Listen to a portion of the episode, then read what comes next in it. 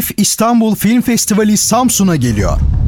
Yıllardır İF İstanbul Film Festivali'ni Samsunlu seyircilerle buluşturan İğne Deliği Gençlik Merkezi bu yıl yine festivalle aynı anda 5 filmi online olarak Samsunlu izleyicilerle buluşturuyor. 24-26 Şubat tarihleri arasında OMÜ Uzaktan Eğitim Merkezi'nde gerçekleşecek film gösterimlerini kaçırmayın. Ayrıntılı bilgi 0362 438 83 30'da. Medya sponsoru Radyo Gerçek.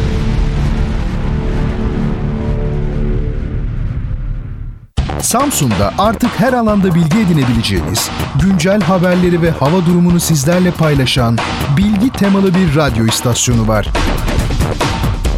Radyo Gerçek yayında. Bertan Rona ile Duyuşlar.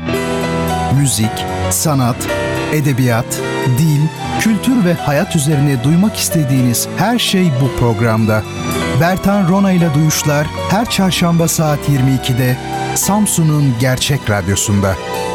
Sevgili dinleyiciler, Radyo Gerçek'te Bertan Rona ile Duyuşlar programına hoş geldiniz. Safalar getirdiniz.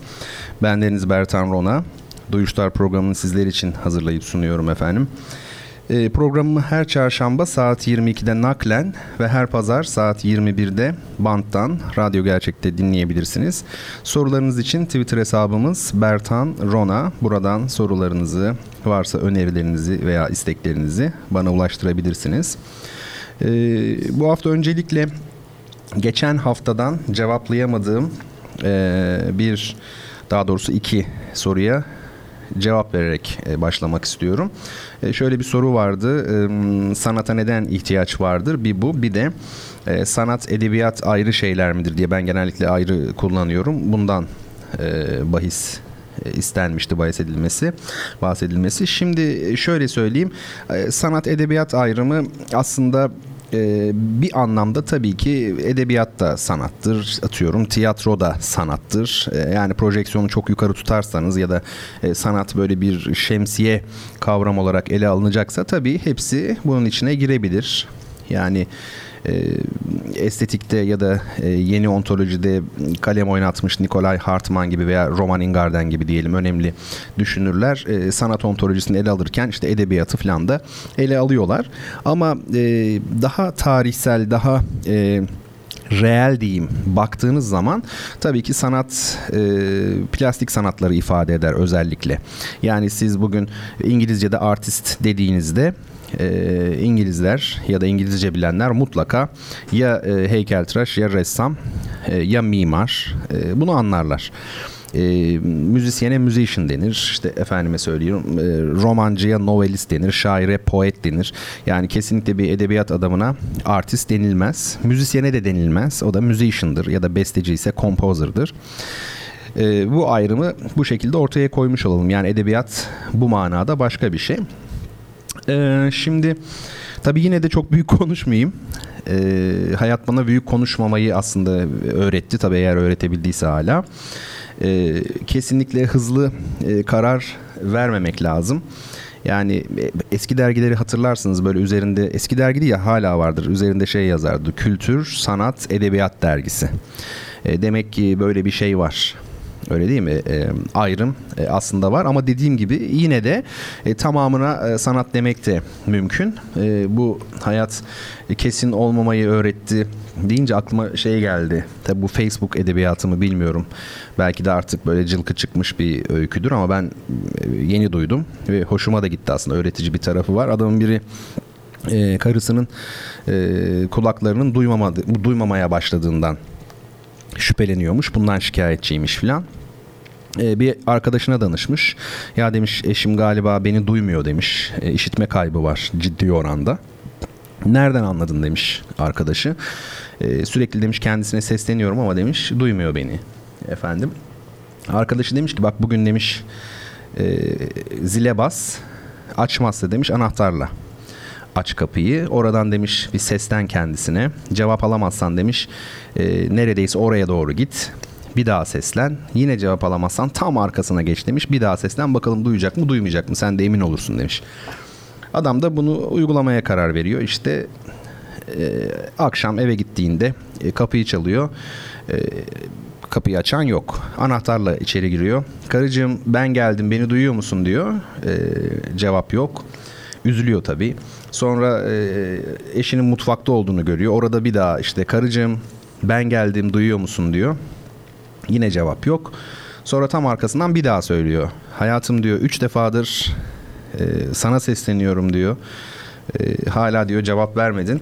Karısı da bakıyor adama diyor ki ben de üç defadır duyuyorum diyorum ama diyor sen duymuyorsun diyor.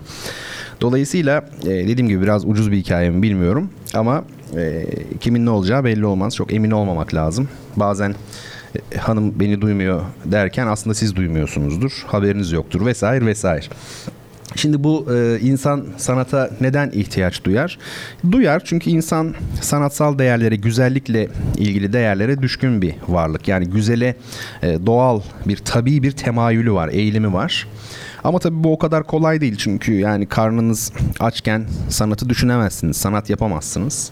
Bu ancak tarih boyunca zengin e, toplumlarda mümkün olabilmiş. Yani artı değer üretimi belli bir noktaya gelmişse bir toplumda orada e, sanat yapma imkanı var. Çünkü yarın, öbür gün, bir sonraki ay hatta bir sonraki sene ne yiyeceğinizle ilgili bir kaygınız yok. Orada tabii artık bedi zevkler e, söz konusu oluyor işte Osmanlı İmparatorluğu'nda ya veya bugünkü işte Fransa'da, Amerika'da, Almanya'da yani zengin toplumlarda, geçmişte Roma'da e, sanat zirve yapmış. Zenginlikten dolayı biraz da dediğim gibi. Şimdi bir ayakkabı mesela yapıyor ayakkabıcı. Efendime söyleyeyim, e, ayakkabıyı bitirdi. O ayakkabının üzerine bir süs yapmayı düşünüyorsa işte o andan itibaren sanat başlıyor. Yani kullanımın dışında çünkü o süs. Kullanımıyla ayakkabının kullanımıyla hiçbir ilgisi yok. Ee, buna işte zanaat deniyor. Eskiden biliyorsunuz yani zanaat deyince daha doğrusu sanat deyince ayakkabıcı da anlaşılıyordu. Efendim e, şeyde mimar da anlaşılıyordu. Ama sonradan işte bu sanat zanaat ayrımı ortaya çıktı. İşte güzel sanatlar denildi sanata. İşte bu sanayi nefise eski tabirle. Arada işte dediğim gibi e, şöyle bir fark var. E, sanat sadece zevkle ilgili aslında bize biraz farklı öğrettiler. İşte sanat öğreticidir falan toplumu yönlendirir. Bir kere sanatta öğreticilik aşağı yukarı hiç olmaz. Çünkü didaktik bir iş değildir sanat, öğretici değildir. Ee, burada önemli bir şey söyleyeyim size. Aristoteles'in bir ayrımı var. Yunanlı düşünür, antik Yunan diyelim. Ee, yarar ve zevk ayrımı. Yani çok soyutlaştırmayayım ama şöyle diyor e, Aristo. E, bir insan bir işi iki sebepten biri için yapar. Yani başka bir üçüncü seçenek yoktur diyor. Ya bir e, menfaat için yapar. Yani kendisine yarar sağlayacak bir şeydir bu. Sobayı açarsınız mesela çünkü ısınmanız gerekiyordur. Kendinize işte bir yemek hazırlarsınız çünkü acıkmışsınızdır falan. Yani yarar ilkesi dediği bu ya da diyor zevk için yapar. Zevkte e, tabi yarar söz konusu değil artık. Yarar bitmiş. Onun ötesinde bir şey. Yani siz Mozart'ın 40. senfonisini dinliyorsunuz size ne kazandırıyor zevk almaktan başka? Ben size söyleyeyim hiçbir şey aslında. Yani e, karnınız doymuyor, cebinize para girmiyor. Daha çok ısınmıyorsunuz. Yani hiçbir yarar ilkesi burada yok. Tamamen zevk.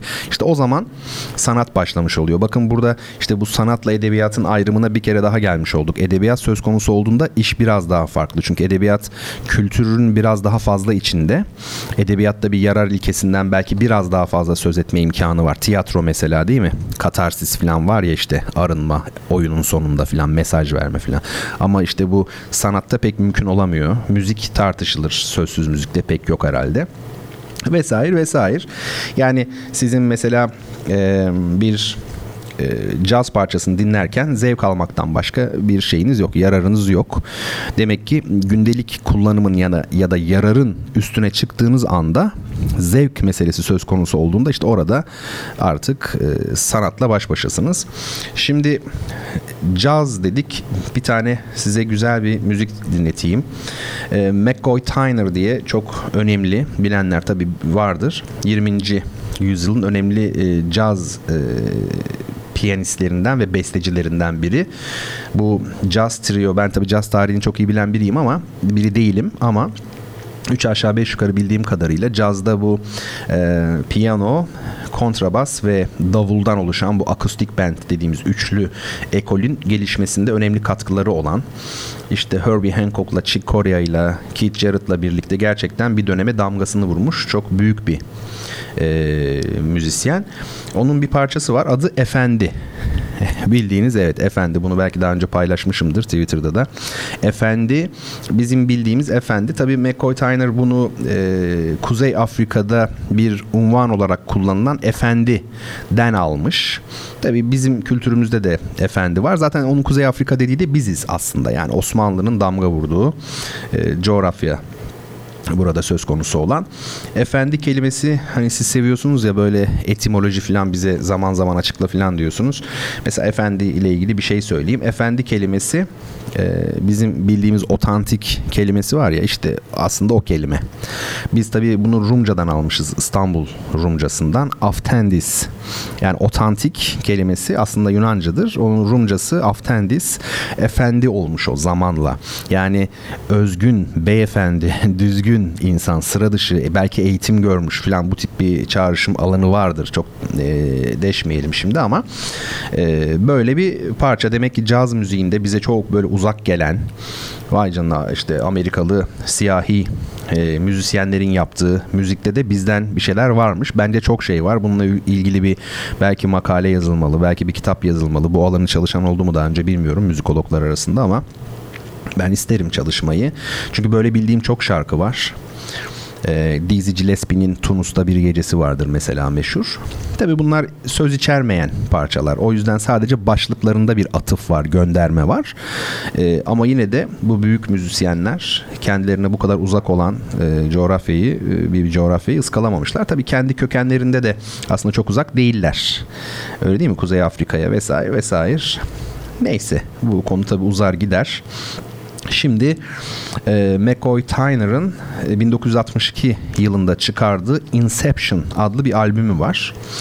E, bu albümden e, neyi dinleyeceğiz? Efendi'yi dinleyeceğiz. Piyanoda McCoy Tyner, Basta Art Davis, bateride Elvin Jones efendim. Bertan Rona ile duyuşlar devam edecek. Kaldığımız yerden devam edeceğiz.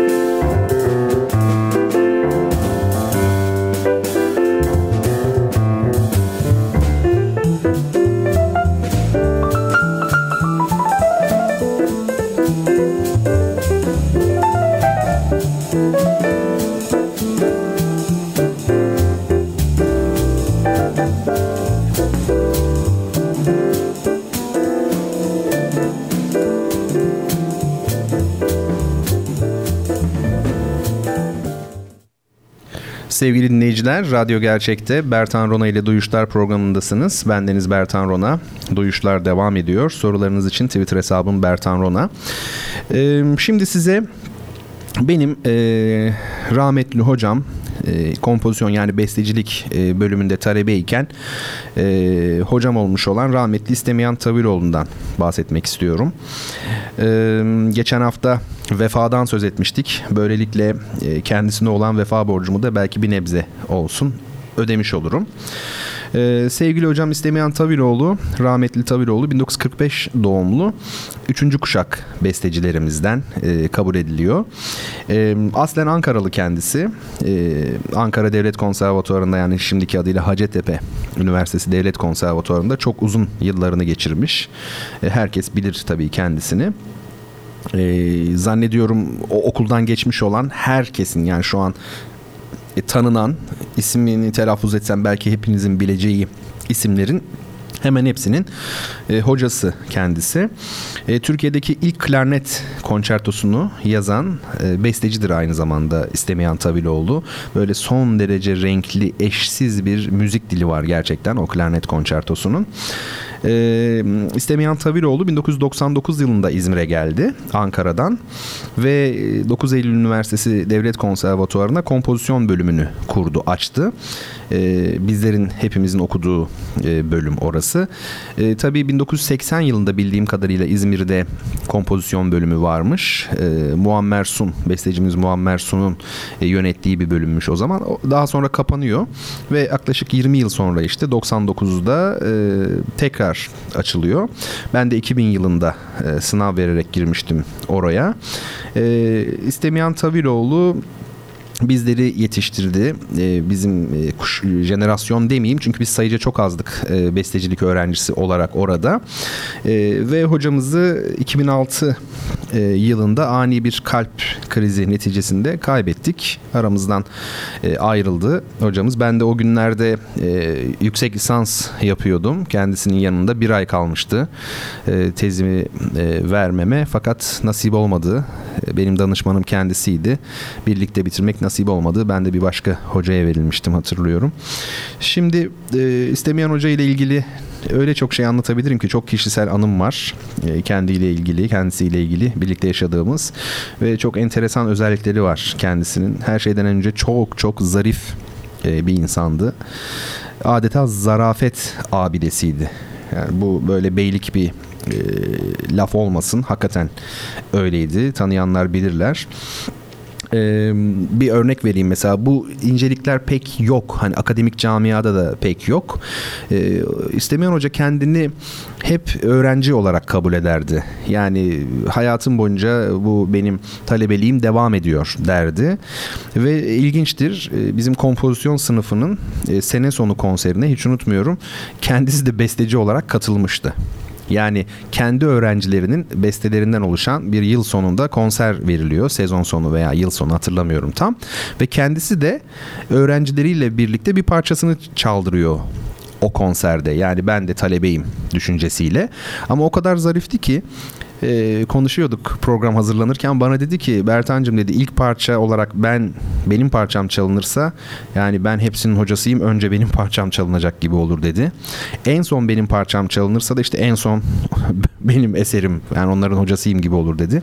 En iyisi dedi ikinci bölümün başına koyalım dedi. Yani ara var konserde aradan sonra ikinci bölüm var onun başına yerleştirmişti kendi parçasını hiç unutmuyorum. Bu kadar e, ince e, düşünürdü sanat ahlakına riayet eden bir kişiydi.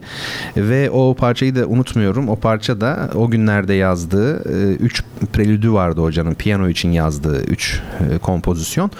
Onlardan ağır tempoda olanını seçmişti ve daha yeni bitirmişti. Yani dünyadaki ilk seslendirilişi olacak yani ilk seslendirmesi. Onu da ben çalmıştım piyanoda. E, hiç unutmuyorum rica etmişti benden. Bertancım senin çalmanı istiyorum olur mu diye. Hay hay hocam demiştim ben de Ee, hoca bir de kendini alaya alabilen bir insandı. Kendiyle dalga geçebilen bir insandı. Bakın ben size bir şey söyleyeyim. Bir insan kendiyle dalga geçebiliyorsa ondan kimseye zarar gelmez kardeşim. Buna hiç e, şüpheniz olmasın. Neden? Çünkü kompleksi değil demektir. Ee, ben bu konuda size senet verebilirim zarar gelmeyeceğiyle ilgili. Böyle insanlara insanlardan size zarar gelmeyeceğiyle ilgili. Tabii şimdi böyle söylüyorum ama yarın kendiyle dalga geçen biri çıkıp da size zarar verirse yakamada yapışabilirsiniz. Ee, yapışmayın tabii. Ama e, genel olarak hakikaten de e, kendini alaya alabilen insanlardan pek e, zarar gelmiyor. Şimdi Erik Fromm'un bir sözü var. Yanlış hatırlamıyorsam şöyle diyor Erik Fromm. E, Freud narsist insanların ee, e, şöyleydi galiba yani 3 aşağı 5 yukarı hatırladığım kadarıyla söyleyeceğim. Nar, e, Freud şöyle demiş. Narsist insanlar e, başkalarını ve kendilerini yani başkalarından nefret ederler, kendilerini çok severler. Bu Freud'un ön şeyiymiş, yaklaşımıymış. E, Eric Fromm da diyor ki hayır diyor bu sözün yarısı doğrudur diyor bu yaklaşımın. Narsist insanlar diyor başkalarını da sevmezler, kendilerini de sevmezler. Neden böyle? Çünkü e, aslında narsizm insanın insanın içindeki aşağılık kompleksini e, dengeleme mekanizmasıdır. Yani bir insan e, kendini çok fazla seviyorsa, yüceltip önemsiyorsa mutlaka bir e, sıkıntı vardır. E, bir e, eziklik demeyelim de e, kendine dair bir e, kompleksi var demektir. Ee, evet bu bahis böyle bir bahis tabii. Biz İstemiyon Hoca'yı anlatıyorduk esas. Dediğim gibi kendini alaya alabilirdi. Kendiyle çok e, barışık bir insandı. Ee, benim e, kompozisyon bölümündeki eğitimimde e, sınıf atlamamda çok katkısı vardır. Tabii sınıf atlama deyince şöyle konservatuvar farklı bir yer. Yani zannediyorum dinleyicilerim içerisinde konservatuvarda okumuş insan oranı diyeyim azdır. E, ama okuyanlar bilir fakülteye benzemez konservatuvar. Ayrı bir yerdir orası. Kendine göre kuralları vardır. Mesela biz e, şöyle fakülte her şeyden evvel sosyal bir ortam. Yani farklı bölümler arasında bir kontakt oluyor. Ne bileyim bir veterinerlik fakültesi öğrencisiyle işte hukuk fakültesi öğrencisi aynı kampüste bulunabilir. Değil mi? Farklı farklı şeyler var, fakülteler var. Bir sosyal bir ortam var geniş bir alan var. Konservatuarlar genelde böyle olmuyor. Tekil okullardır. Yani 12 Eylül'den sonra tabii şeye bağlanmış, üniversitelere bağlanmış. Mesela İzmir Devlet Konservatuarı 9 Eylül Üniversitesi Devlet Konservatuarı olmuş. İşte dediğim gibi Ankara Devlet Konservatuarı, Hacettepe Üniversitesi Devlet Konservatuarı olmuş. Ama bu da tekilliklerini ortadan kaldırmamış konservatuarların. Biraz askeriyeye benzer. Yani başka insanlarla kontak çok yoktur. Çünkü bahçe içerisinde başka fakülte falan yok. Ee, biraz sıkı bir disiplini vardır. Çünkü siz şimdi hukuk fakültesinde mesela ben okumadım tabii ama at şey böyle cahilce yorum yapmayayım fakat yani herhalde e, amfide bazen sosyolojide falan derslerde amfide hoca geliyordur, anlatıyordur. İşte bir devam zorunluluğunuz var. Siz orada varsınız, yoksunuz. Hoca belki fark etmiyor bile. Sene sonunda şu şu şu kitaplardan sınav yapılacak deniyor. Bu bilimin doğasında yani logos varsa sosyoloji böyle bir şey. Ama e, konservatuvarda beceri esasına yani usta çırak ilişkisi var. Beceri esasına dayalı. Siz şimdi derse girmemek diye bir şey düşünülemez. Nasıl girmeyeceksiniz? Devam mesela imza formaliteden atılır konservatuvarda. Çünkü bir öğrencinin hocasından habersiz derse gelmemesi düşünülemez. Ee, rahmetli istemiyor hoca hiç unutmuyorum. Ee, ilk dersimiz başlayacak. Daha yani ilk saniye, ilk dakika içindeyiz. Bizi topladı masanın etrafına. Bir masası vardı. Biz onun onun odasında yapıyorduk zaten dersi. Sınıf dediğimde biz 3 kişiyiz, 4 kişiyiz.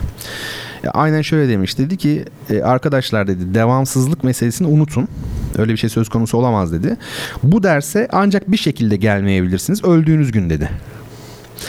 Aynen kelimesi kelimesine. Öldüğünüz gün gelmeyebilirsiniz. Ona bir şey demem ama onun dışında böyle bir şey söz konusu olamaz demişti. Konservatuar böyle bir yer. Mesela sınıf atlama var konservatuarda.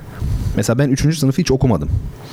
Bu çok enteresan. Üniversiteyi bitiriyorsunuz ama hiç 3 olmamışsınız. Yani 3 olmadan üniversite bitiriyorsunuz. Yani 2 de olmayabilirsiniz. Fark etmez. Yani ben öyle denk geldi. 3. sınıf atladım. 2'den 4'e geçtim falan. Yani konservatuvarın e, böyle kendine göre şeyleri var. İlginçlikleri var.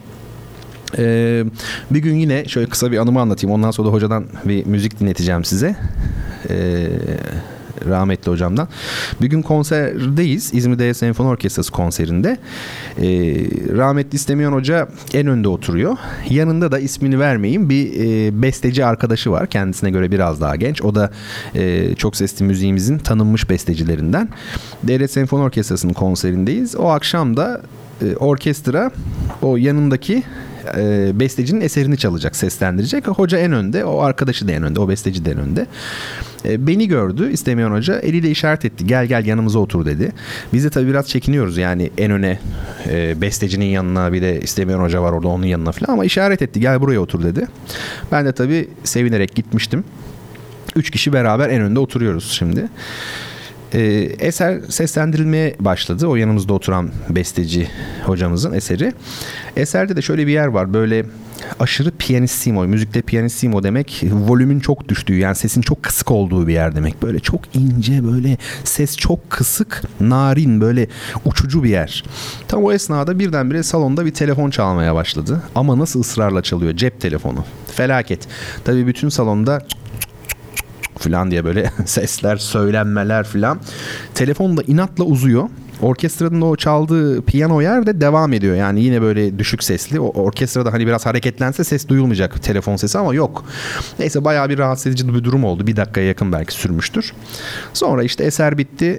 Bestecisini işte sahneye davet ettiler. Öyledir. Salonda eğer eserin bestecisi varsa sahneye davet edilir. Bu bir şeydir böyle bir teamül olmuş yani. Besteci de çıktı selamını verdi falan. Sonra fuayeye çıktık ara oldu. Ve besteci ne dese beğenirsiniz e, istemeyen hocaya. Ben de yanlarındayım. Hocam dedi telefon var ya dedi. E dedi istemeyen hoca benim telefonumdu dedi. Adamın telefonu açık kalmış kendi eseri çalınırken cebinde.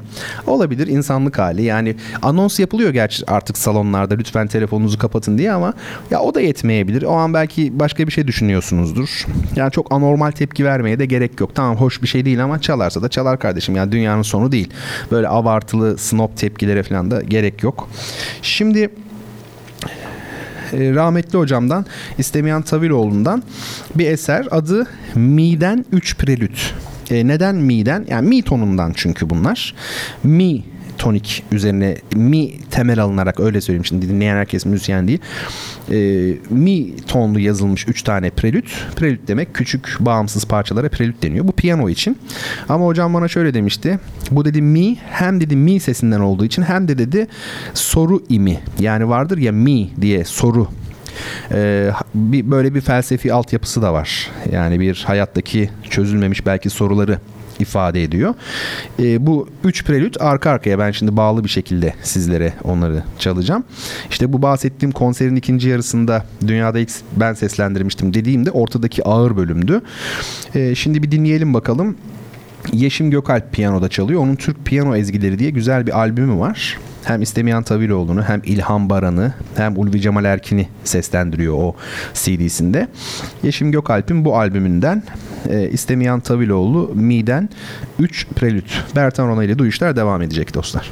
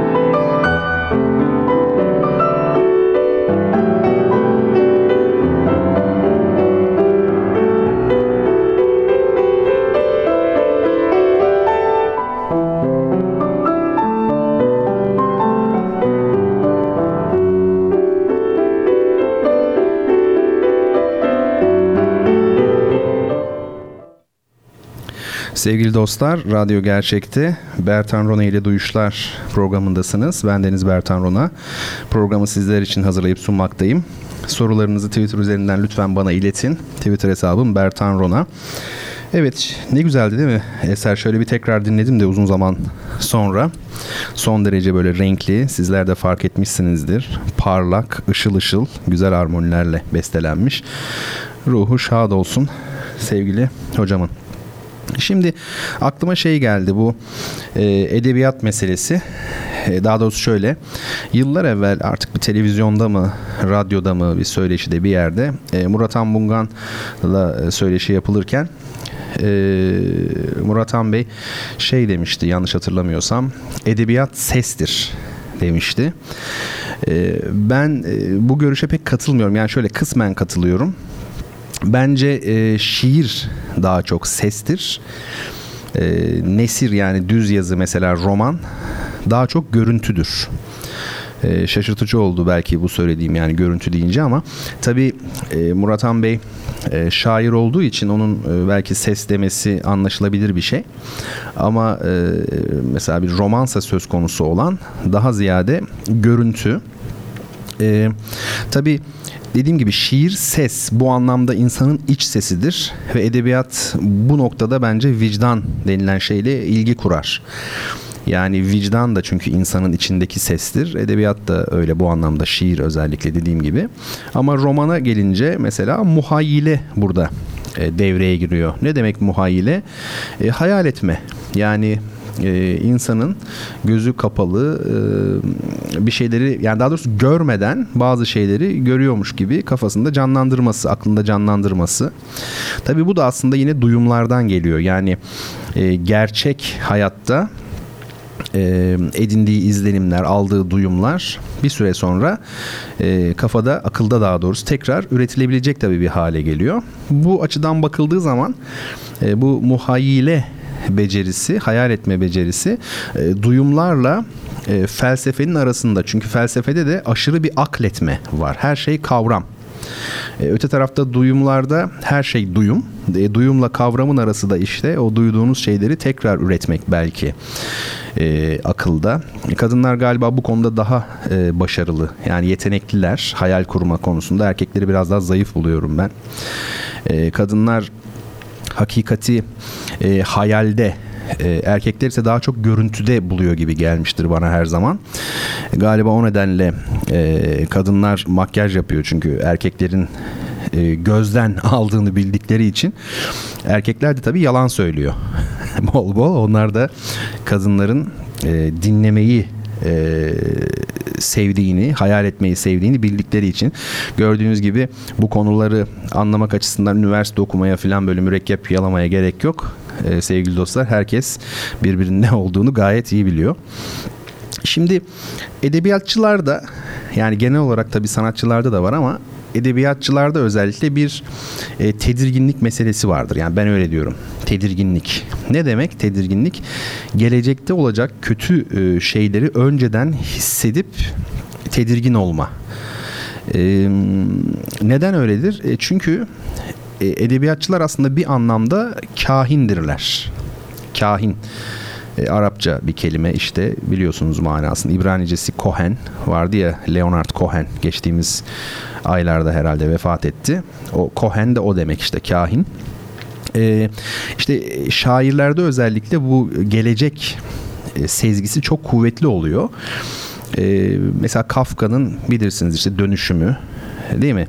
Veya dava, davayı okuyan varsa e, orada biz Kafka'da genel olarak daha doğrusu Kafka'da e, sebep sonuç ilişkisinin ortadan kalktığı bir dünya görüyoruz e, ortadan tamamen kalktığı dünya. E bakıyorsunuz 1945 sonrası dünyada hele daha sonra postmodernite ile birlikte gerçekten de sebep sonuç ilişkisi neredeyse hiç yok. Yani bir absürt, bir saçma e, dünyanın içinde yaşıyoruz neredeyse. E, çok eski çağlarda şairler de böyleydi. E, Kur'an-ı Kerim'de Hakka suresi vardır. Onun 41. ayetinde e, Kur'an kendisi için e, o bir şair sözü değildir diyor. Çünkü e, o dönemde e, işte peygamberimize atfedilen bir takım şeyler var. İşte yok e, işte ne derler Mecnun yani deli efendim ya hasta veya işte şair çünkü o kadar güzel sözleri ancak şair söyleyebilir gibi.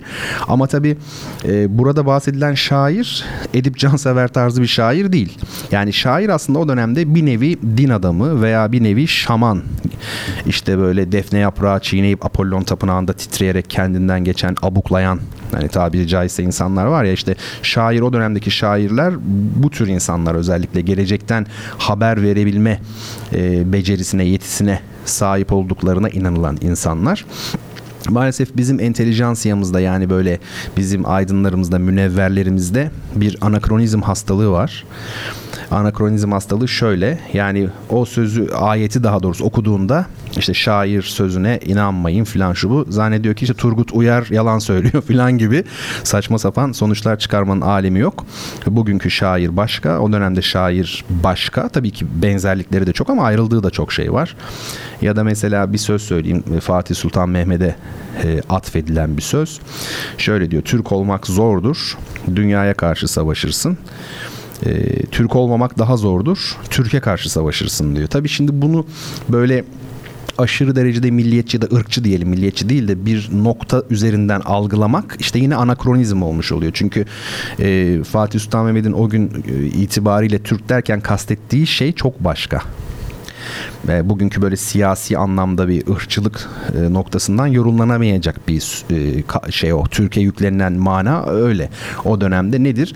İşte e, Katolik Batı medeniyetine karşı bir denge unsuru oluşturan e, Türk İslam medeniyeti var. Yani o aslında Akdeniz havzası ile ilgili e, o dönemdeki dünya e, kültür, siyasi, tarih yani bütün bu noktalardaki temel yarılma ile ilgili bir söz aslında.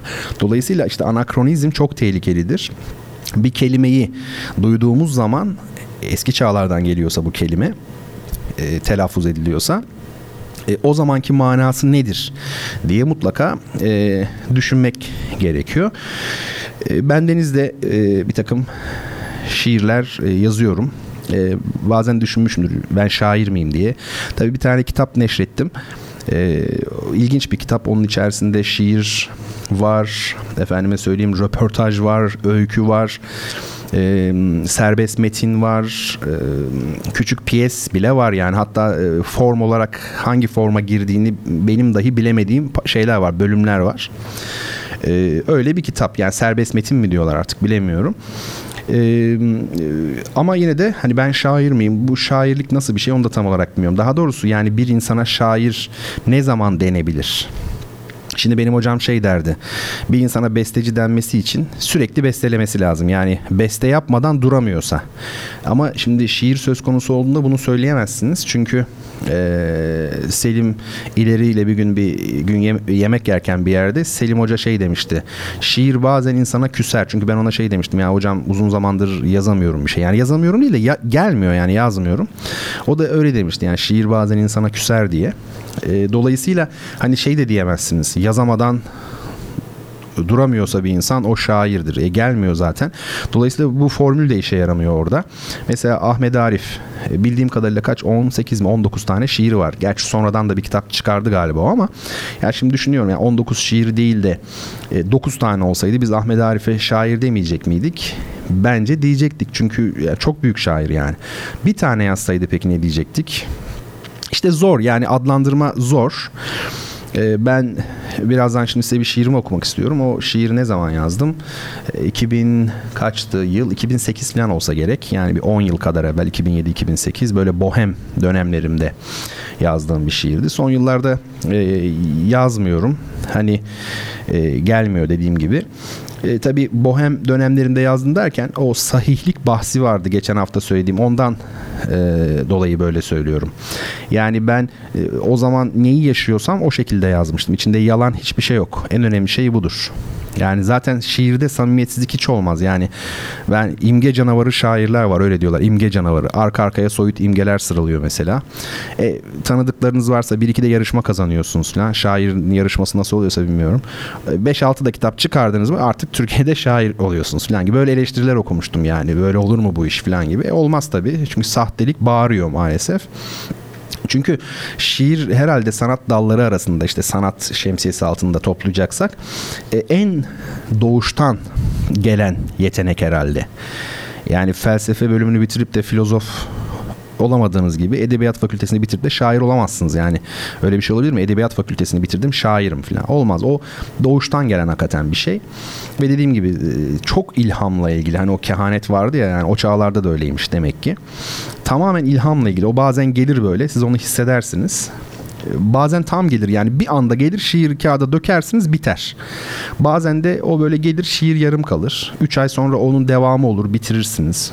Benim böyle 7-8 yıldır bilgisayarın içinde duran böyle parçalar var yani o ama tamamlanmamış. Belki bir gün tamamlanır belki öyle kalır bilmiyorum. Şimdi mesela bir şiirimi okuyayım size. Başlığı yok bu şiirin. Biraz uzun bir şiir. Ee, şey böyle bir ne derler varoluş sancısı diyelim. Yani varoluşsal problemler. Herhalde insan böyle 30'lu yaşlarda veya 20'li yaşların sonunda e, bir damdan düşer gibi olduğu dönemler vardır. Herhalde o tür bir şey bu şiir. E, varoluşsal bir sancı yani onu söyleyeyim. Şimdi şiir önümde. Onu da bir açayım. Evet. Şimdi şiirimi okuyorum efendim. Fecaatle yaşamak ve can verdiği her şeyi bohçasında taşımak hakkıyla bu şehir iştah denen kuvvetin salyalı suretinde kahkaha ve vahşetle bir tuluatla beslenir. Şiryan dermiş eskiler nabzın sesini veren tüm esası dondurup ispatı yok sayarak bir ömrün gün batımında yarım kalan her şeyi yok ediversin fecir. Ehramların en büyüğü yer üstünde değil artık. Bu koşturma, bu talan ve bu ifrazat içinde aşkın cılk yarasından kusturarak mevcudu kurduğum çalar saat yarını göstermiyor. Gerçeğe ağır gelmişim. İmdi battığım her yerde midye gibi kapalı tenakuzlar kaynaşır. İmdi battığım her yerde midye gibi kapalı tenakuzlar kaynaşır. Bu içinde yüzdüğüm zemzem değil haşa. Milyar yıllık tevellütle bardaklara bile sığan, oradan maziyi arşınlayıp bir tohum ıslaklığınca gözyaşları sızdıran talesnam o meczubun içtiği cevher değil. Foseptikler dolduran ağız, mide ve bel artığı bir cerahatli sudur. Bundan dolayı işte yenimde sakladığım ata yadigarı bana yeni formlar üretmenin yanık sorumluluğudur. Artık eteğimde taşısam adını kendinden gizleyen paslı binbir pişmanlığı ve kör bıçaklar kullanıp çığlıklarla söküp atsam nicedir bende yer etmiş hayat kaçkını şu hamlığı yine de seyri bıraktım bu kalabalık bilmeceye müdahil oldum diyemem. Ben bir emanet kefiliyim. Tedbiri üstümden çıkarıp pervasızlığı giyemem. Oysa boyumdan büyük laflar etmeliydim her an. Öğrenmek için boyumu. Çünkü sırtımda taşıdığım bütün o itiş kakışın nasır tutmuş elleri benimkilere denkti ve önemli bazı sorular kurcalıyordu kafamı. Mesela yokluk ne renkti? Kendini taşıyamayan yaşlı bir levha misali bütün duraklara astığım her sondajın derininde aşık olma refleksi bronzlaştırmıştı tenimi. Yüz kilometreden bile okunuyordu şecerem. Ama bu şehirde her gün elim kolum vardı benim ve uzak suretsiz bir hayat sürme iradem. Cebimde hakikatin zorlu ebced hesabı ne yaparsam yapayım yan durmuyordu Berem. Şimdi ses tonu yadırganan ve beyaz olmaya zorlanan suskun acayip biriyim. İnsanlar içinde bir ölü, ölüler arasında diriyim. Ruzu mahşerde geceleri vitrinler boyu izlerim. Usulca afişe olmuştur kimsesizliğimin koltuk altı. Şaşkınlığımsa marketlerde künyemi zabıtalar aldı. Harikalar diyarı nerede peki? Arsızca kapılarımı çalan O ısrarlı sadakat hangi haç yolunda kaldı? Hiç sancım yok artık benim, dertlerim tükendi, yaram az. Olanı da taşırım madalya gibi, bozdursam bir işe yaramaz. Biliyorum ki bu beden dört başı mamur bir vapuru her sefer sonrasında iskeleye bağlayan yıllanmış bir halat gibi inceldiği yerden kopar bir gün. Kopmadığı yerde ise incelir ve havasız yaşanmaz elbet ama her nefeste burnuma havayla birlik koku da gelir.'' Fecaatle yaşamak ve can verdiği her şeyi bohçasında taşımak hakkıyla bu şehir iştah denen kuvvetin salyalı suretinde kahkaha ve vahşetle bir tuluatla beslenir. Şiryan dermiş eskiler nabzın sesini veren tüm esası dondurup ispatı yok sayarak bir ömrün gün batımında yarım kalan her şeyi yok ediversin fecir.'' Evet, bu da böyle bir şiirimmiş benim. Biraz uzun. Ee, anlamak da belki biraz zor. İşin garip tarafı ben de çok anlamıyorum. Yani anlamıyorum derken şöyle bana sorsanız bu şiir ne anlatıyor diye. Ee, çok samimi söylüyorum. Doğrudan cevap veremem. Yani bazı mısraların anlamı hatta olmayabilir bile. Çünkü e, burada dediğim gibi bir sezgi var, bir duyuş e, meselesi var. Bir musiki var. Zaten herhalde biraz müzisyen olduğumdan da biraz e, tempoyu daha doğrusu ritmi hissetmişsinizdir. Böyle yürük, böyle yürüyen bir şey. E, şiir. Evet vesaire vesaire. Çok uzun zaman önce yazdığım bu şiiri de okuduktan sonra şimdi kısa bir e, ara verelim dostlar. Bu aradan sonra sohbetimize Bertan Rona ile duyuşlarda kaldığımız yerden devam ederiz.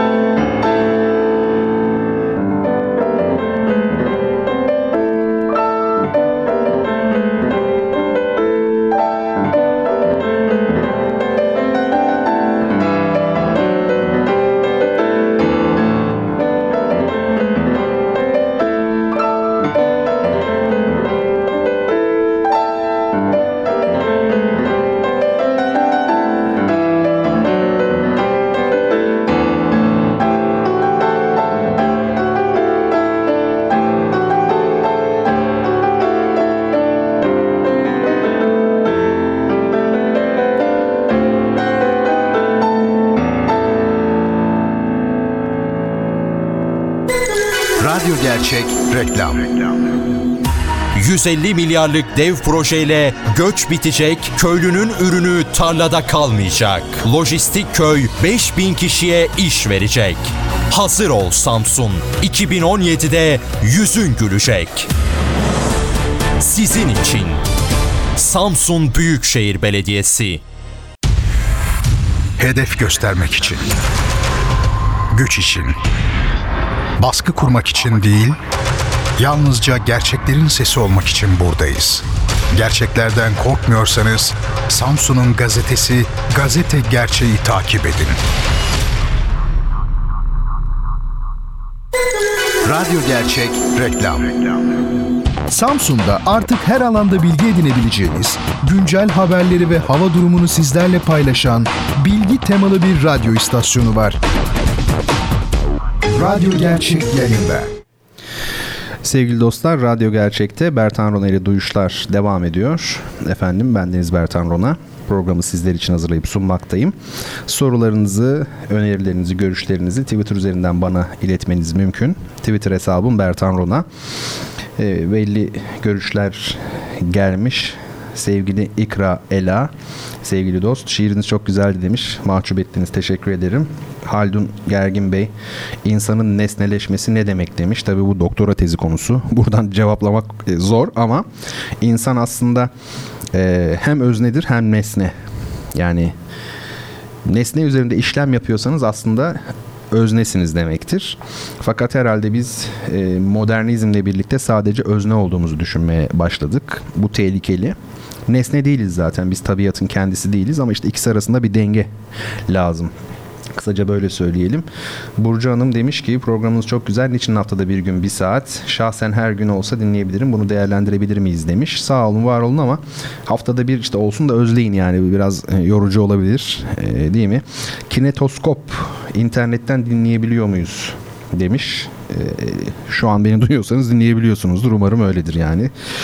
Falan filan. Şimdi falan filan dedim aynı ayıp. Ee, sağ olun var olun yani bu sorularınız için. Şimdi bu e, sanatta kalite meselesi var. Birazcık ondan bahsedeyim bu kısımda. Bizler kalitesizliğe mahkum muyuz diye hani böyle çok beylik bir ifade. Hani var ya halk bunu istiyor diye bir tabir var. Halk bunu istiyor ne kadar doğru bir ifade. Aslında doğru bir ifade. E çünkü dayatılıyor insanlara bizler kalitesizliğe mahkum değiliz normalde. Şimdi e, gece gündüz gençlere pompalanan bir e, şey var, bir seviyesizlik var. Bir düşünün işte o çok, çok büyük sanatçı gibi, çok büyük besteci gibi ödüller alan insanlar falan filan böyle her anını, her saniyesini gördüğümüz televizyonlarda görmek zorunda bırakıldığımız insanlar. Ben bazen mesela düşünüyorum, isim vermeyeyim tabii ama mesela birini tanıyorum ben isim olarak biliyorum. Hatta detay da biliyorum. Fakat bunları niye bildiğimi bilmiyorum. Çünkü o adamla o kadınla ben ilgilenmiyorum. Onun yaptığı işle ilgilenmiyorum. Yani hiçbir şeyle ilgilenmiyorum ama biliyorum. İşte burada bir şey var. İşte nesneleşme diye sormuş ya arkadaşımız. E, demek ki biz nesneleşmişiz burada. Bir böyle bombardımana e, maruz kalmışız. Maruz bırakılmışız. Oysa bunlara e, şey yapmamak lazım e, ne derler onun adına e, taviz vermemek lazım. Şimdi sevgili arkadaşım Teoman karşımda sağ olsun bu radyo programını yapmayı bana teklif eden kişi. E, ben ona e, çok teşekkür ediyorum. Şimdi buradan da bir kere teşekkür edeyim. Siz de duyun. Çünkü e, beni daha evvelden tanıyordu o tabii. Birkaç böyle ikonografi, ikonoloji dersleri yapmıştım ben bir yerlerde. Seminer daha doğrusu böyle felsefe, edebiyat şu bu renkler üzerine falan. onlara katılmış. Oradan aklımda kalmışım ben. Teklif etti ve hani hiç karışmıyor hakikaten. Hocam ne tür bir program yaparsanız yapın dedi. Ben şimdi herhangi bir şekilde asla bu programın düzeyinden taviz vermek istemiyorum. Yani ben neysem o da olur. Sıkıcı olabilir vallahi bilmiyorum. İsterse 3 kişi dinlesin. Hiç umurumda değil. Ama şöyle bir şey. Tabii ki e, eserleri seçerken, müzikleri özellikle seçerken bir şeyler gözetiyorum. Tutup da atonal böyle e, çağdaş müziğin en soyut, anlaması en güç örneklerini de koymuyorum. Hani o başka bir şey. Ama e, biz mahkum değiliz. Kalitesizliğe mahkum değiliz. Hiçbiriniz mahkum değilsiniz. O yüzden e, taviz yeri geldiğinde de vermemek gerekiyor onu söyleyeyim. Tabii bugünkü dünya işte bizlerin içinden geçmiş olduğu akademik e, hayatta maalesef yer yer diz çökmek zorunda kalıyorsunuz. Çünkü Don Quixote durumunda oluyorsunuz öbür türlü. Ama mümkün mertebede ilke, ilkelerden e, taviz vermemeyi öneriyorum herkese. Ee, uzun vadede kazanıyorsunuz onu size söyleyeyim. Kısa vadede kayıplar yani yaşatır. Şöyle söyleyeyim yani muharebeyi kaybettirir ama harbi kazandırır. İşte bakın dille ilgili yine bir noktaya gelmiş oldum. Muharebe ve harp. Atalım ikisini dedim. Attık çok güzel. Hepsine savaş dedik. Ama bak aynı şey değilmiş. Muharebe ile harp neymiş? Muharebe harbin içindeki e, kısa erimli yani çatışmaların ismi bir mesela büyük bir savaş içerisindeki bir meydan muharebesinin ismidir mesela. Bak muharebe deniyor. Harp savaşın tamamı. Dolayısıyla bakın o nüans kalmış olmuyor şimdi kalmamış oluyor yani bitti. O savaş demeyelim o yüzden işte muharebeyle harp e, söylemenin bakın böyle bir anlamı varmış demek ki. Yeri geldi diye söyledim onu. Şimdi bu kalite bahsi önemli. Ee, benim çok sevgili bir arkadaşım vardı. Uzun zamandır da görüşmedik. Müzikolog. Ee, çok donanımlı bir arkadaşımdı. Hasan Devrim Kınlı. Bizi duyuyorsa ki zannetmiyorum ama e, milyonda bir ihtimal bir selam göndermiş olalım. Ee, belki podcastleri dinler daha ileride falan. koptuk yani uzun zamandır nerede ne yapıyor şimdi bilmiyorum. Bir gün onunla böyle bir kitapçıdaydık. E, bir kitap gördük. Bir baktım kitabın adı şey Sel Yayıncılık'tan galiba. Cesaret Beşlisi diyor. E, Devrim de okumuş o kitabı daha önce. Bu ya bunun dedim ne anlatıyor falan. Şey dedi bir koro şefinin hayatını anlatıyor dedi. Roman ve koro şefinin hayatını anlatıyor. Abi dedim bunu alan var mıdır ya dedim hani bu niye basılıyor manasında. E, her malın bir alıcısı var demişti bana. E hakikaten öyle işte. Üç kişi dinlesin ama dinlesin dediğim bahis o. Şimdi şöyle bir şey var işte kalite babında devam edeyim. Hani e, sanat müziği deniyor ya mesela uluslararası çok sesli sanat müziği veya Türk sanat müziği falan. Neyse yani sanat müziği. E, işte bu ne demek ya hani sanat olmayan müzik mi var gibi bir takım şeyler söyleniyor. Valla ben size bir şey söyleyeyim mi? Sanat olmayan müzik var. Hatta müziğin bana göre %90'ı sanat değildir. Şaka yapmıyorum. Çok ciddi söylüyorum. Şunu demek istiyorum bununla müzik seslerle yapılan bir iş değil mi?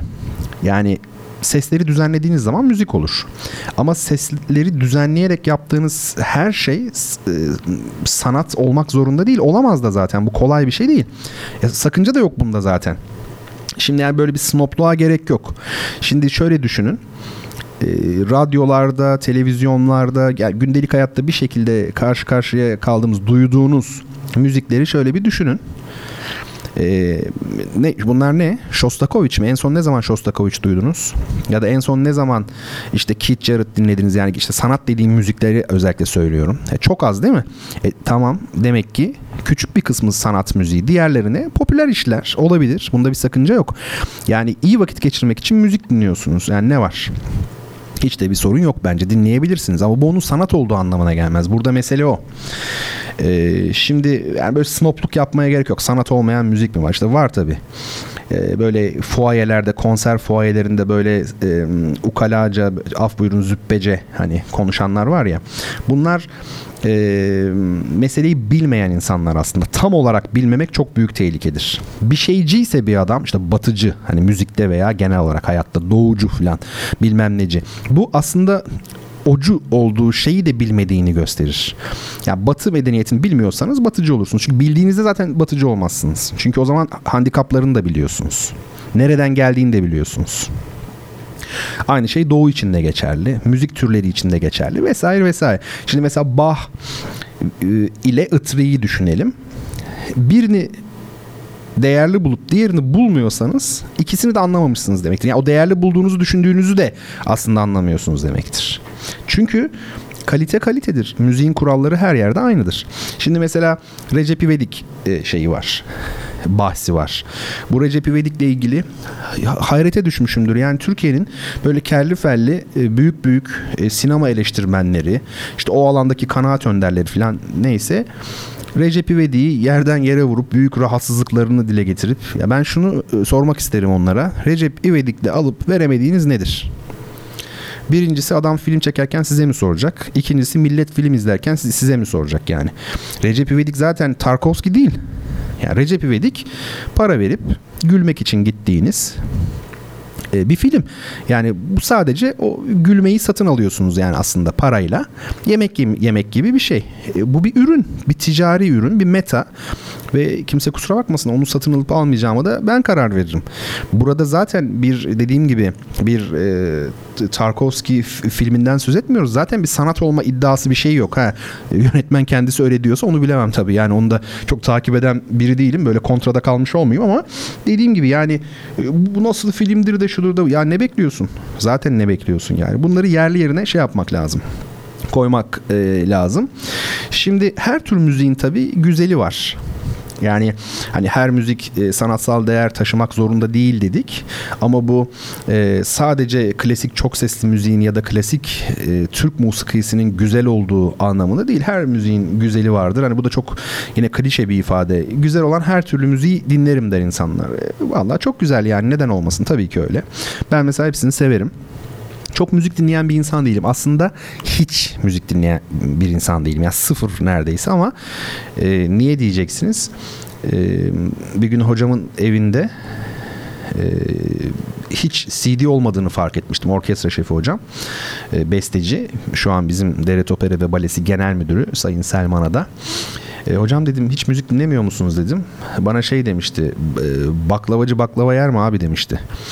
Yani adam zaten günde 6 saat prova yapıyor orkestra provasında. Gece temsil yönetiyor, konser yönetiyor filan. E ondan sonra evde de müzik dinlemiyor tabii yani.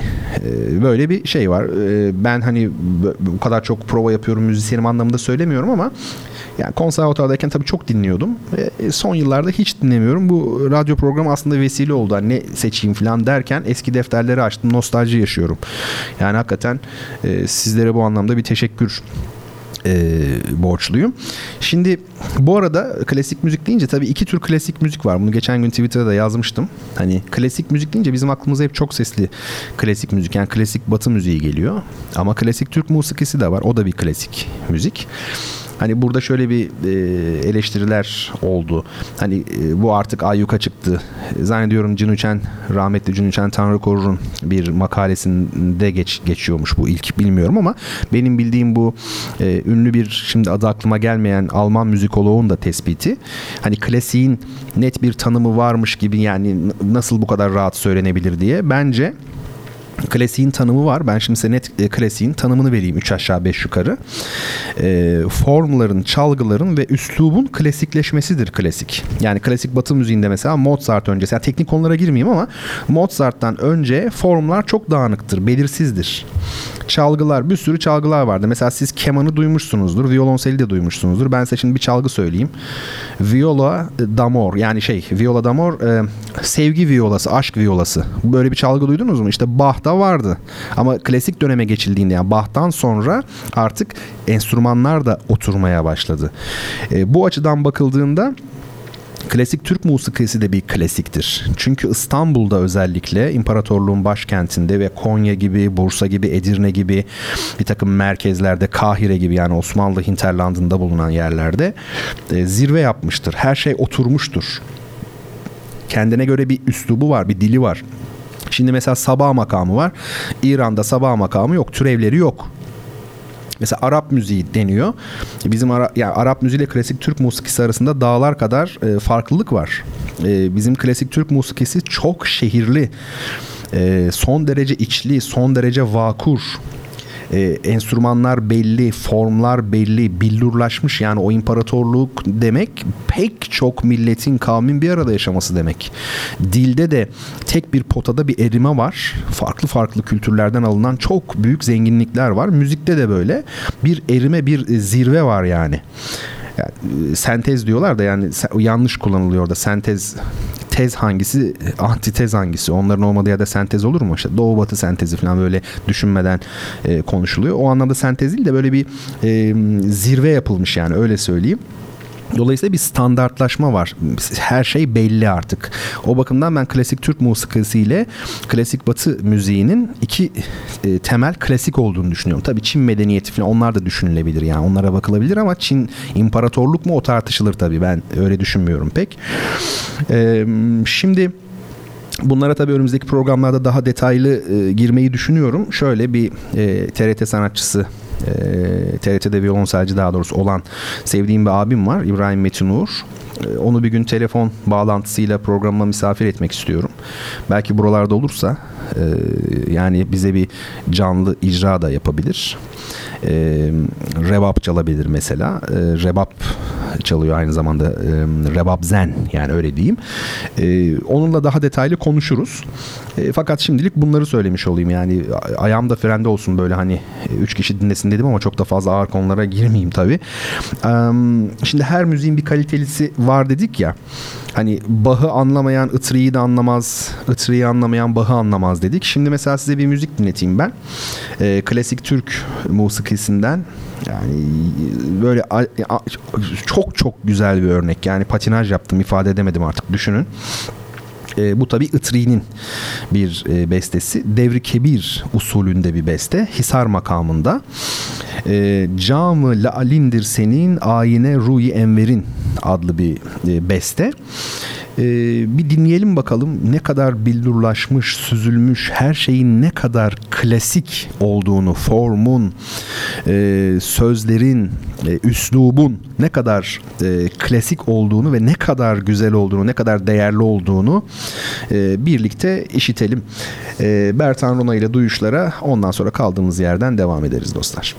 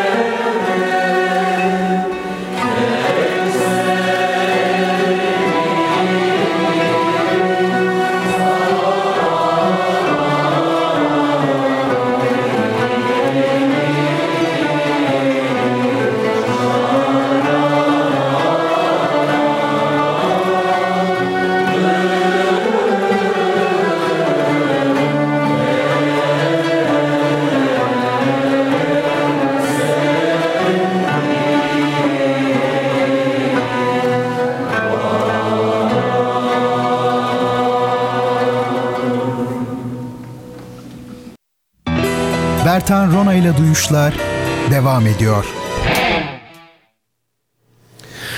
Sevgili arkadaşlar, Radyo Gerçek'te Bertan Rona ile Duyuşlar programındasınız. Ben Deniz Bertan Rona. Ee, sorularınız varsa Twitter üzerinden alabilirim. Hesabım Bertan Rona. Buradan e, sorularınızı önerilerinizi iletebilirsiniz. Bir arkadaşımız Farit Faryat mı kim o ben bilmiyorum. Ondan bir parça çalar mısınız demiş. Ben ilk defa duydum. Tabii bir de programımız böyle istek üzerine aslında müzik çaldığımız bir program değil. O bakımdan bizi bağışlasın. Ama yine de e, bir bakayım bulabilirsem belki öyle bir sürpriz yapmaya çalışabilirim. Şimdi e, bu son bölüm olsun. E, çok rahatız burada. Teoman'cım da karşımda. Yani şöyle rahatım. E, bir süre sınırlaması da koymadı bana. Abi seni bölmek pek mümkün değil dedi. Sen şey yap dedi yani. İstediğin gibi yap. Ben de işte yani 45 dakika olacak yok bir saat olacak demiyorum. Nasıl gelirse işte hayat böyle. E, gelişine yani. Ee, şimdi bir arkadaşımız ne demiş? Müzik evrensel lakin bizden olunca bir başka demiş. Enstrümanlara dokunuşlar bile farklı. Sanki yumuşak daha bir hisli demiş. Terzi, sevgili Terzi. Ee, Twitter'dan böyle söylemiş. Ee, aslında tabii doğru. Bakın çok güzel bir noktaya getirdi beni. Ee, şöyle. Hani derler ya müzik evrensel işte bu tweette de denilmiş. Ben buna katılmıyorum yani. Evrensel kelimesi zaten başlı başına bir fecaat de. Onu geçelim. Yani uluslararası demek istiyorlar herhalde evrenselle. Ee, ben müziğin uluslararası olduğuna bir yere kadar inanıyorum. Tabii ki yani şöyle yani bir Arap bir Danimarkalı birbirini anlayamaz ama ikisi de bir müziği duyabilir, dinleyebilir. O manada hani uluslararası nitelikte konuşma yani lisan gibi değil amenna. Ama her müzik sonuçta kendi içinde bulunduğu kültür dünyasının bir parçasıdır. Yani niye biz klasik Türk musikisi bizi alıp götürüyor? Yani şimdi müzik e, evrensel tamam evrensel. O zaman e, bizim böyle gözlerimiz dolarak dinlediğimiz bir türküyü Çin'de bir çalın bakalım. Bir şey anlıyorlar mı? Hani anlatabiliyor muyum ne demek istedim? Tamam o tabii biraz tam müzik gibi değil de biraz müzik folkloru tabii halk müziği ama e, ayrıca Bach'ı da herkes sevmek zorunda değil. Ee, şunu söylemek istiyorum. Şu klasik batı müziği bugün çok uluslararası nitelikte bir genel kabul görüyor ama bu bence çok sesli olduğundan mı yoksa dünyanın emperyal gücü batı medeniyeti olduğundan mı bu tartışılır. Yani eğer e, Osmanlı İmparatorluğu Rönesans'tan sonra bütün batıya galebe çalsaydı yani şu an e, dünyadaki hakim unsur Türk kültürü olsaydı faraza diyorum. E, o zaman dünyadaki konservatuarlarda düşünseniz Amsterdam'da falan New York'ta Boston'da şey okutuluyordu. Klasik Türk musikisi okutuluyordu. O zaman geçen hafta sevgili talebem Kerem'i e, konuk etmiştik. Telefonla bağlanmıştı Boston'da. O zaman Kerem Boston'a e, piyano eğitimi almaya gitmiyordu. Belki de Amerika'daki işte George şeye geliyordu. Düşünün mesela işte İstanbul'a kanun öğrenmeye geliyordu. Şaka yapmıyorum. Yani sonuçta bu kadar mutlaklaştırmaya gerek yok. Bu bir siyasi mücadele, siyasi güç, galibiyet meselesidir yani. E, her müzik kendi kültür e, sisteminin içinde bulunduğu sistemin bir parçası. Bence öyle. Tabii e, şöyle bir sıkıntı var. Şimdi bazı şeyler böyle birer ikişer cümleyle geçiyoruz ama açıklanmaya muhtaç. E, ama bunu tabii ki böyle bir radyo programında yapamayız. Ana hatlarıyla düşüncemi söylüyorum. Yoksa bunun hepsinin altı var. Bir makale belki bir kitap konusu ya da en azından iki saatlik açıklamaya muhtaç bunlar. Şimdi size bir kitap tanıtayım. Daha doğrusu üç tane kitap tanıtayım. Kitaplığımdan üç tane kitap getirdim. E, bu, bu kitaplar fotoğrafla ilgili, fotoğraf sanatı ile ilgili ama ağırlıklı olarak e, kompozisyonel değil de felsefi metinler içeriyor. Şöyle biz hani e, daha önce de söz etmiştim e, görsel sanatlara çok yakın bir millet değiliz. Fotoğrafta bunlardan biri yani resim olsun işte belki ciddi bir mimari geleneğimiz var. Resim geleneğimiz de tabii var yok değil ama bir e, Avrupa gibi değil yani. O kadar köklü değil. Ee, böyle 500 yıllık 1000 yıllık bir resim geleneğimiz o kadar kuvvetli değil. Hat sanatımız var tabi o başka bir şey. Minyatürümüz var yine aynı şekilde. E, fotoğraf da bir görsel sanatlardan biri. E, tabi çok çok çok çok değerli e, fotoğrafçılarımız var artistlerimiz var bu şeyde alanda. Artist deyince aklıma geldi. Biz e, İstanbul Uluslararası Opera ve Bale Festivali'ne gitmiştik. Tabii bize akreditasyon kartı verdiler böyle. Önümüzde hepimizin artist yazıyor. Çünkü Topkapı Sarayı'na şey yapıyoruz, e, giriyoruz. Orada prova yapmamız lazım. Temsil var. E, akşam da biliyorsunuz kapalı ama bizim temsil zaten akşam. O yüzden biz olarak, olarak istediğimiz zaman girip çıkabiliyorduk falan. Böyle hepimizin e, göğsünde artist yazıyor. Herkes tabii takdir edersiniz ki tahmin edebileceğiniz gibi yani birbirine artist misin birader diye espri yapıyordu. O geldi şimdi aklıma. Artistiz evet. Şimdi e, artistik yani. E, bu kitaplar uzatmayayım hemen hızlıca geçeyim. E, John Berger'in bir fotoğrafı anlamak. Tabii çok klasikleşmiş kitaplar bunlar. Bilen tabii ki biliyordur. Akla gelen belki ilk kitaplar arasında. E, John Berger geçtiğimiz aylarda e, hayatını kaybetti. Bu alanda çok değerli bir isim. Bir fotoğrafı anlamak. Metis yayınlarından çıkmış. Hazırlayan ve sunuş diyor. Geoff Dyer mı nasıl okunuyorsa artık. Bir de bizde şimdi yeri gelmişken söyleyeyim şu okuma meselesi var. Bizde büyük bir milli komplekstir bu maalesef. Bir yabancı ismi mutlaka o dildeki telaffuzuyla okuruz, okumaya çalışırız. Bunu bilmiyorsak kızarırız, utanırız falan böyle. E, Bertan Rona açıklıyor efendim. Utanacak hiçbir şey yoktur. Hatta öyle okumamak bile gerekir. E, bu maalesef e, böyle e, bizim gibi diyeyim, içim acıyarak söylüyorum, ülkelerde oluyor. E, ecnebi bunu hiç umursamaz. Yani ben niye Gerard Depardieu bu Fransızca okunuşunu bilmek zorundayım? Tamam o çok ünlü bir isim. Belki bilebilirim bu internet çağında falan vesaire ama mesela e, Johann Sebastian Bach e, Amerikalılar ne diyor biliyor musunuz Bach'a? John Sebastian Bach Şaka yapmıyorum. Bach'ı Almanca. Tabi Bach diyen de vardır. Çünkü Bach çok bilinen bir isim. Tabi yazılışı da e, kolay. Hani Almancanın yazılışı açısından şey değil. Zor değil. B-A-C-H. Ama Amerikalı hiç umursamaz bunu. Bach der geçer. Çünkü dünyaya hakim hissediyor kendisini. Öyle bir kompleksi yok. Benim dilimde böyle diyor. Bizde aman ya Rabbi yani dediğim gibi kızarırız bozarız bu şöyle nasıl okunuyor falan hiç öyle zahmetlere girmeyin çatır çatır kendi dilinizde okuyun. Ama şöyle bir şey tabii burada da dediğim ya işte altı var ben böyle söyleyip geçiyorum ama o çok uzun konular yani tutup da Michael Jackson demeyelim yani. Çünkü o çok tanınıyor artık yani Michael Jackson.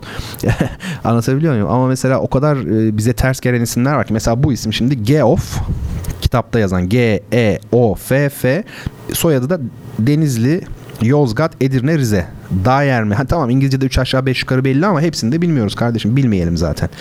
Efendim Metis yayınlarından John Berger'in bir fotoğrafı anlamak. Bu bir tanesi bu. Bir tanesi neymiş bakalım. Kamera Lucida. Lucida ya da İtalyanca işte Lucida herhalde bu neyse. Fotoğraf üzerine düşünceler. Bu e, çok ünlü bir metin 6.45'ten çıkmış zaten. Özgün kitapları vardır. Çok 6.45 yayınların. Roland Barthes. Roland Barthes. Bu e, önemli bir kitap. Fotoğraf üzerine düşünmek isteyen. Dediğim gibi teknik kitaplar değil bunlar çok. Düşünmek isteyenler için ikinci bir öneri bu. Üçüncü öneri de yine kitaplığımdan seçtim. Agora kitaplığı. Bu Agora da çok güzel e, şeyler basıyor. Kitaplar basıyor. Mehmet Ergüven'in bütün kitapları da buradadır. Ee, bir rejisörün, bir opera rejisörünün e, birikimini e, takip etmek isteyenler Agora'dan Mehmet Ergüven'in kitaplarını okuyabilirler ama tabi bazıları da başka Gendaş'tan çıktı galiba. İşte e, Mehmet Ergüven'in kitaplarını söylüyorum. Gendaş'tan çıktı, Agora'dan çıktı, Metis'ten çıktı. Neyse üçüncü kitap e, Suzan Sontag. E, bu fotoğraf üzerine e, ismi. Türkçesi Osman Akınhay ve Agora'dan dediğim gibi bu üç kitabı öneriyorum size. Fotoğraf üzerine e, düşünmek isteyenler için biraz ağır metinler olabilir yalnız onu söyleyeyim hafif. E, özellikle Bart'ın metni biraz şey olabilir. Yani çok renkli, sanatsal, edebi böyle bir metin de olabilir. E, bakın işte yani güzel kitaplar onu söyleyeyim. Ben e, mesela Sabit Kalfagil'in fotoğraf sanatında kompozisyon diye bir kitabı vardı. Kompozisyon bölümünde talebeyken ben o kitabı almıştım. O işte teknik bir kitap tabii. Yani fotoğraflar, fotoğraf fotoğraflar seçilmiş kitapta. Onların teknik analizi yapılıyor kompozisyonel açıdan. İşte şuradaki figür kompozisyonun ağırlığını sağ tarafa yığmaktadır. İşte efendim buradaki siyahlık bilmem neyi dengelemiştir falan gibi kompozisyon analizi. Tabii ben de bestecilik okuyordum. Yani kompozisyon bölümü, bestecilik bölümü. Ama sonuçta fark etmiyor. Yani besteci de olsanız. Hatta biliyor musunuz şiirde de kompozisyon var. Yani e, malzemeyi düzenlediğiniz her yerde bir kompozisyon vardır. Hatta rahmetli hocam İstemiyan Tabiroğlu bana şeyi anlatmıştı onun hocası olan Türkiye'nin en önemli bestecilerinden olan Ahmet Adnan Saygun bu soyut müzik yani müzikteki soyut akorlar falan gibi konularda biraz netleşebilmek için kilim motifleri kitabı almış. Ee, bizim hocamız da sormuş veya işte o öğrencileri Saygun'un. Hocam demişler bu kitabı niye inceliyorsunuz?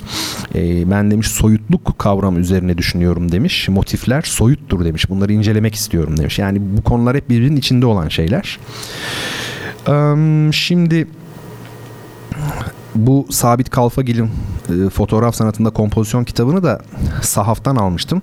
Yeri gelmişken sahafta kazıklanmama, af buyurun kazıklanmama yöntemlerinden bahsedeyim size hemen. Sahafta bir kere e, şimdi sahafı çalıştıran kişi, kitapçı e, sizin gözünüzden ne istediğinizi anlar. Nasıl biri olduğunuzu anlar. Nadir bulunan bir kitaba böyle bin lirayı o an verebilecek bir adam olduğunuzu falan anlar. Çok kurttur onlar. O yüzden siz gidip de böyle diyelim ki müzisyensiniz. Müzikle ilgili az e, bilinen, basımı kalmamış eski falan böyle orijinal kitapları almak istiyorsunuz. Aa bir baktınız biri var, bir tane daha var. O üç kitabı alıp çekip doğrudan kitapçının önüne koyarsanız e, vallahi bir şey söyleyeyim mi yani oradan bayağı bir yani çok paranız gider. Onun yerine şöyle bir yöntem öneriyorum. Hiç renk vermeyeceksiniz arkadaşlar. Hangi alanla ilgilendiğinize dair hiç ipucu olmayacak kitapçı için. Siz oradan mesela ay ne ayıp değil mi böyle sahtekarlığı öğretiyorum gibi ama ne yapalım yani öbür türlü de çok paramız gidecek. Ee, mesela girdiniz işte kitapçıya siz diyelim ki resimle ilgili e, çok özel aradığınız 3 kitap var. Üçünü de buldunuz. Mutlaka ondan sonra o kitaplardan sonra araya böyle alakasız edebiyat olur, müzik olur, işte bambaşka alanlardan bilim falan kitaplar da yerleştireceksiniz. Bu 15-20 tane falan olacak. Onların hepsini götürüp kitapçının masasına koyacaksınız. Bunlar ne kadar diyeceksiniz. Yani o sizin şimdi resimle ilgili kitap almak istediğinizi anlayamayacağı için kitapları şişirmeden fiyatını fiyat söyleyecek. Sonra o üçünü çekeceksiniz resim kitabı. Ben bu üçünü alıyorum diyeceksiniz. Sonra ne olacak biliyor musunuz? Bir anlık göz göze geleceksiniz siz kitapçıyla. O tabii anlayacak sizin numara çektiğinizi ama iş işten geçmiş olacak tabii. Artık fiyatları vermiş oldu çünkü. Siz de hoşça kal deyip e, paranızın bir kısmı da cebinizde kalarak gideceksiniz. Yoksa sakat. Yani onu size söyleyeyim. E, hayatının bir kısmını eski kitapçılarda geçirmiş biri olarak söylüyorum. Şimdi bu e, bölümde bir de film ve yönetmen önerisinde bulunayım size. Ama bakın bu çok acayip, bu çok ciddi. Mutlaka bunu şey yapın. Eee dikkate alın yani hepsini dikkate alın da bu önemli. E, film Narayama Bushiko yani filmin adı Narayama Bushiko ne demek bu Japonca e, bir şey tamlama Türkçesi Narayama türküsü. Bu Shikiro Fukazawa adlı bir yazar varmış. Bunun 56 tarihli 1956 tarihli yine Narayama Bushiko yani aynı isimli bir romanı e, varmış. E, bu filmin yönetmeni Shohei Imamura bu romandan kendi senaryosunu yazmış. Bakın ne demiştik başlarken e, edebiyat görüntüdür demiştik. Bakın gördünüz mü yine zaten bütün büyük filmlere baktığınızda yani yüzde seksen üzerinde edebiyat uyarlamasıdır. Çünkü bir hayal dünyası edebiyatta bir görüntü. King Kong mesela bakın yine mutlaka şeydir yani romandır onun gibi bir şeydir ya da Sleepy Hollow mutlaka romandır. Yani herhalde Irving Washington'ın mıydı o böyle bir şey. Yani Tim Burton'ın var ya Sleepy Hollow o da bir edebiyat uyarlaması. Hepsi. E, Shohei Imamura bunun işte senaryoyu buradan yazmış. Ee, Shohei Imamura 1926-2006 yılları arasında yaşamış bir yönetmen ve çok ilginç. Üzerinde en çok düşündüğü konu Imamura'nın neymiş? İnsanla hayvan arasındaki farkmış. Yani ben bu konuyu çok merak ediyorum diyor. Filmlerinde genelde bunu araştırıyorum gibi e, düşünceler serdetmiş bir yönetmen. Tabii bizler insanın eşrefi mahlukat e, olduğunu düşünen bir medeniyetin e, çocuklarıyız. Hani böyle bir araştırma bize çok hani gereksiz gelebilir yani insanla hayvan arasındaki farklar ama yine de İmamura'yı izlemeye değer. Çünkü sanat e, ta nedenden ziyade nasıl önemli oluyor bazen. Yani hangi konuyu işlediğinden ziyade onun o kamera kullanımı, estetiği, dili, anlatımı vesaire. Bence izlemeye değer. Yani İmamura'yı takip etmek lazım. Yani 2006'da vefat etmiş ama bütün onun filmlerini, sinematografisini bir e, incelemek lazım. Bunlar Arayama Bushiko 1983 yılında e, Cannes Film Festivali'nde Altın Palmiye'yi almış bir film. 82'de de yani bir yıl önce de Yılmaz Güney'in Yol filmi Altın Palmiye'yi almıştı. Evet yani kendinize bir güzellik yapın ve Narayama Bushiko'yu mutlaka seyredin. Sinema nedir diye sorsalar bana budur derdim. Ya bu ciddi güzel bir film çok iyi. İzleyin bana minnettar olacaksınız. Yalnız yani ne yapıp edip e, iyi bir e, görüntü kalitesini yakalayın. Yani e, ben olsam Blu-ray bulmaya çalışırdım ya da böyle filmi internetten mi indiriyorsunuz bilmiyorum. Böyle en az 8-9 GB'lık böyle sağlam bir dosya olsun ki yani görüntü izlemişken hani böyle 700 MB'lık falan bir şey de olmasın yani. Güzel e, olsun bence.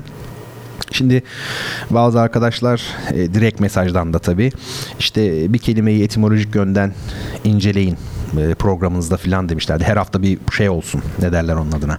Kelime olsun diyenler e, var. E, Tamam incelemeye çalışalım.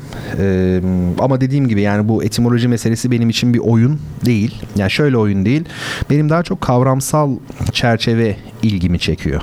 Yoksa şu kelime buradan gelmiş, bu buradan gelmiş. Ee, zaman kaybı yani. Onu bilseniz ne olur, bilmeseniz ne olur. Yani o aslında bir data, informatik. Yani e, bilgi değil. Bilgi zaten tamamen bu çağda informatiğe dönüşmüş durumda. Veri. Yani haberdar olduğun şeyi bilgi zannediyorsun. Ya bana ne? Yani söyledim ya işte sütlaç sütlü aş. Aa harika filan. Ne kazandırdı bu size? Sütlaçın sütlü aştan geldiği. Ama onun altında bir hikaye varsa, felsefi bir şey varsa, kavramsal bir şey varsa önemli. Mesela bir örnek verelim şimdi işte cennet kelimesi. Şimdi bu Arapçada bir kök var. C, N, N. Yani sonunda iki tane N var. Arapçada kökler böyle oluyor biliyorsunuz. Sessiz e, harflerden öyle diyelim. Sessizlerden oluşuyor genelde. C, N, N. Cennet. Bu, bu ne demek? Gizli, saklı demek. E, bunun akrabaları var. Mesela cenin anne karnında gizli olduğu için. Cinnet ne demek cinnet? Aklın örtülüyor çünkü. Bu buna biraz e, ilişkiyi kurmak daha zor. Akıl örtüldüğü için cinnet halinde o da öyle bir şey. Cin e, o da görünmez varlık olduğu için, saklı olduğu için cin denilmiş. İşte Mecnun, bunlar bilinen şeyler. Cin kökünden geliyor yine. Mecnun ne olmuş? Aklı örtülmüş. Yani cinlenmiş. Aslında deli demek aslında şair anlamına da geliyor. Hani her şairin eskiden hani bugün e, konuşurken söyledim ya e, şairlerin kahin olduğuna inanıyor inanılıyordu. İşte o kehaneti nereden alıyor? Onun cini var işte. O zaman o yüzden Mecnun yani cinlenmiş hani Diamond vardır ya işte her e, antik Yunan felsefesinde de vardır bu. Değil mi? Her şeyin ve e, insanın bir özel bireysel cini olmuş oluyor. E, genius var ya genius o da o işte. Yani dahi dediğimiz insan da o kanaldan bilgi alıyor. Yani bir ilham noktası var. O bakımdan Mecnun yani şair anlamına da gelir. Deli anlamına da gelir yani. E şimdi mesela bu neydi? Bu kök gizli olma, saklı olma. Bunun böyle bir akrabalıklarına biraz bakalım farklı dil ailelerindeki. Mesela cin diyorsunuz C, N. Yani şöyle düşünelim. C ve N'yi düşünelim. Gen diyoruz. Değil mi? Bakın cin, gen. Aynı şey aslında. Gen de gizli olandır. Çünkü insanın içinde olan bir şey. Gen. Soy anlamına da gelir biliyorsunuz Fransızca'da. Aynı kelimedir aslında. Zin. Farsça'da zin. Hani zinde diyoruz ya biz zinde. Hayatta demek. Yani zin hayat demek. E, hayat da gizli olan içte çünkü hayat. Hayatın kaynağı içeride. Kan. Bakın yine K, N, Z, N, G, N, C, N gördüğünüz gibi.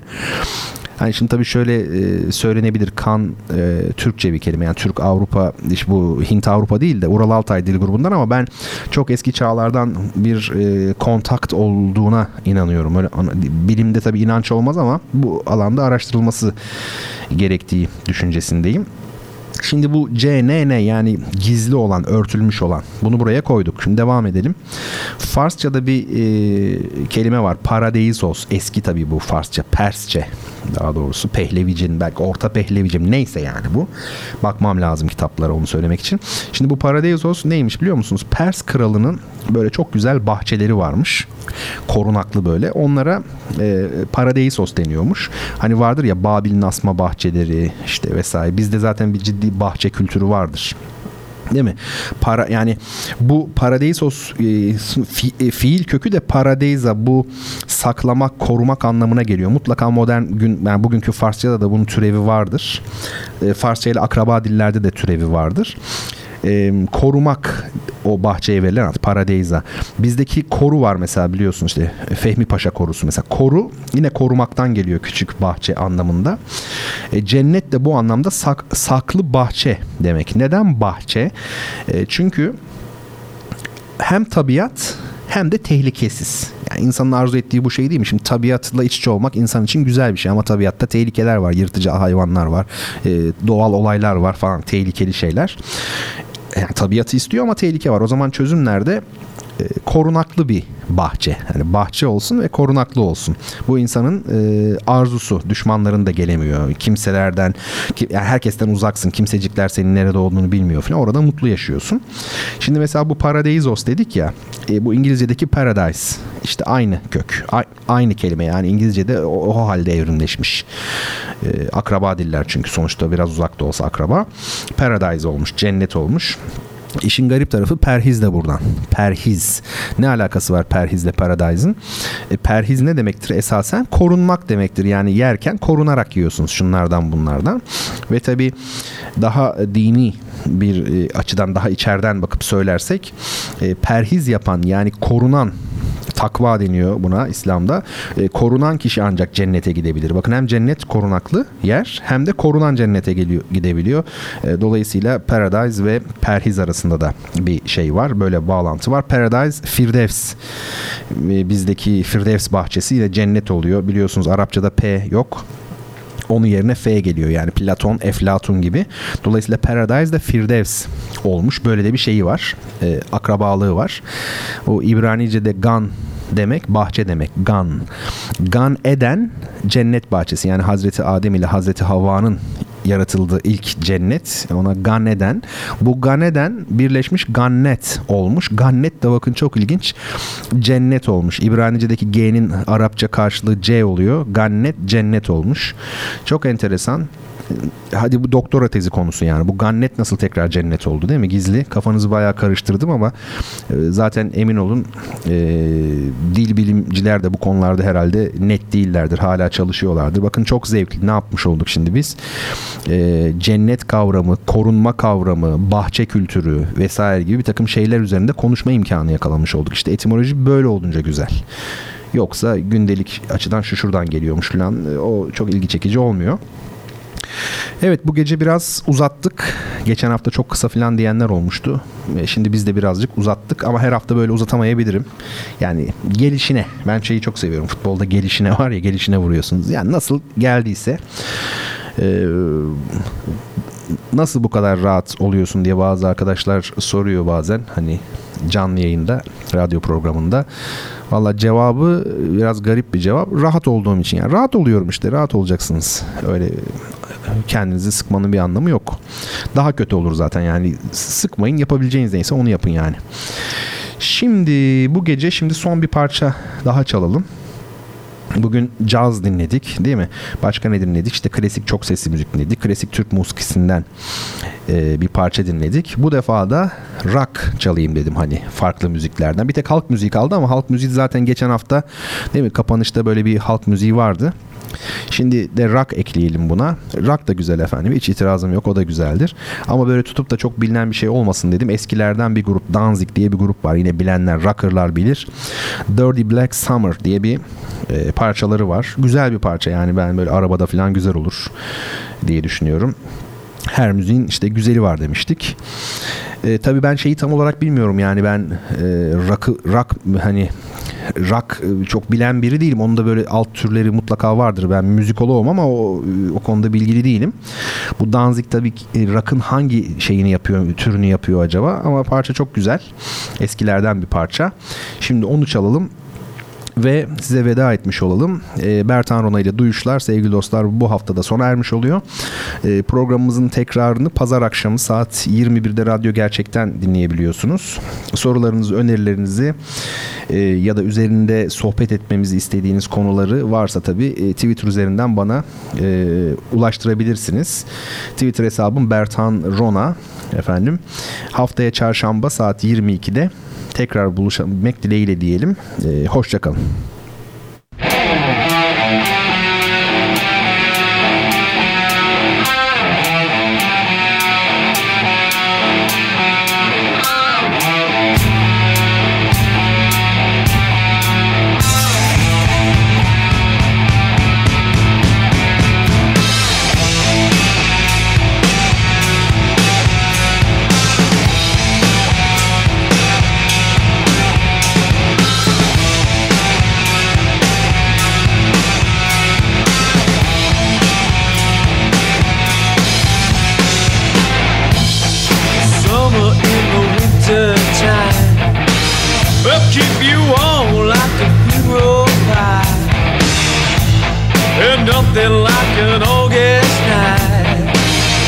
condition you love. I got a dirty black summer.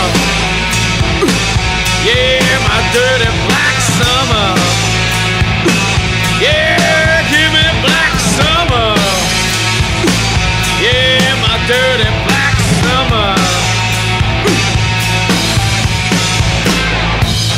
And nothing in the coolest light. Can't stop walking out a closer light no holding back a summer night. I got a feeling it's just as dirty black summer.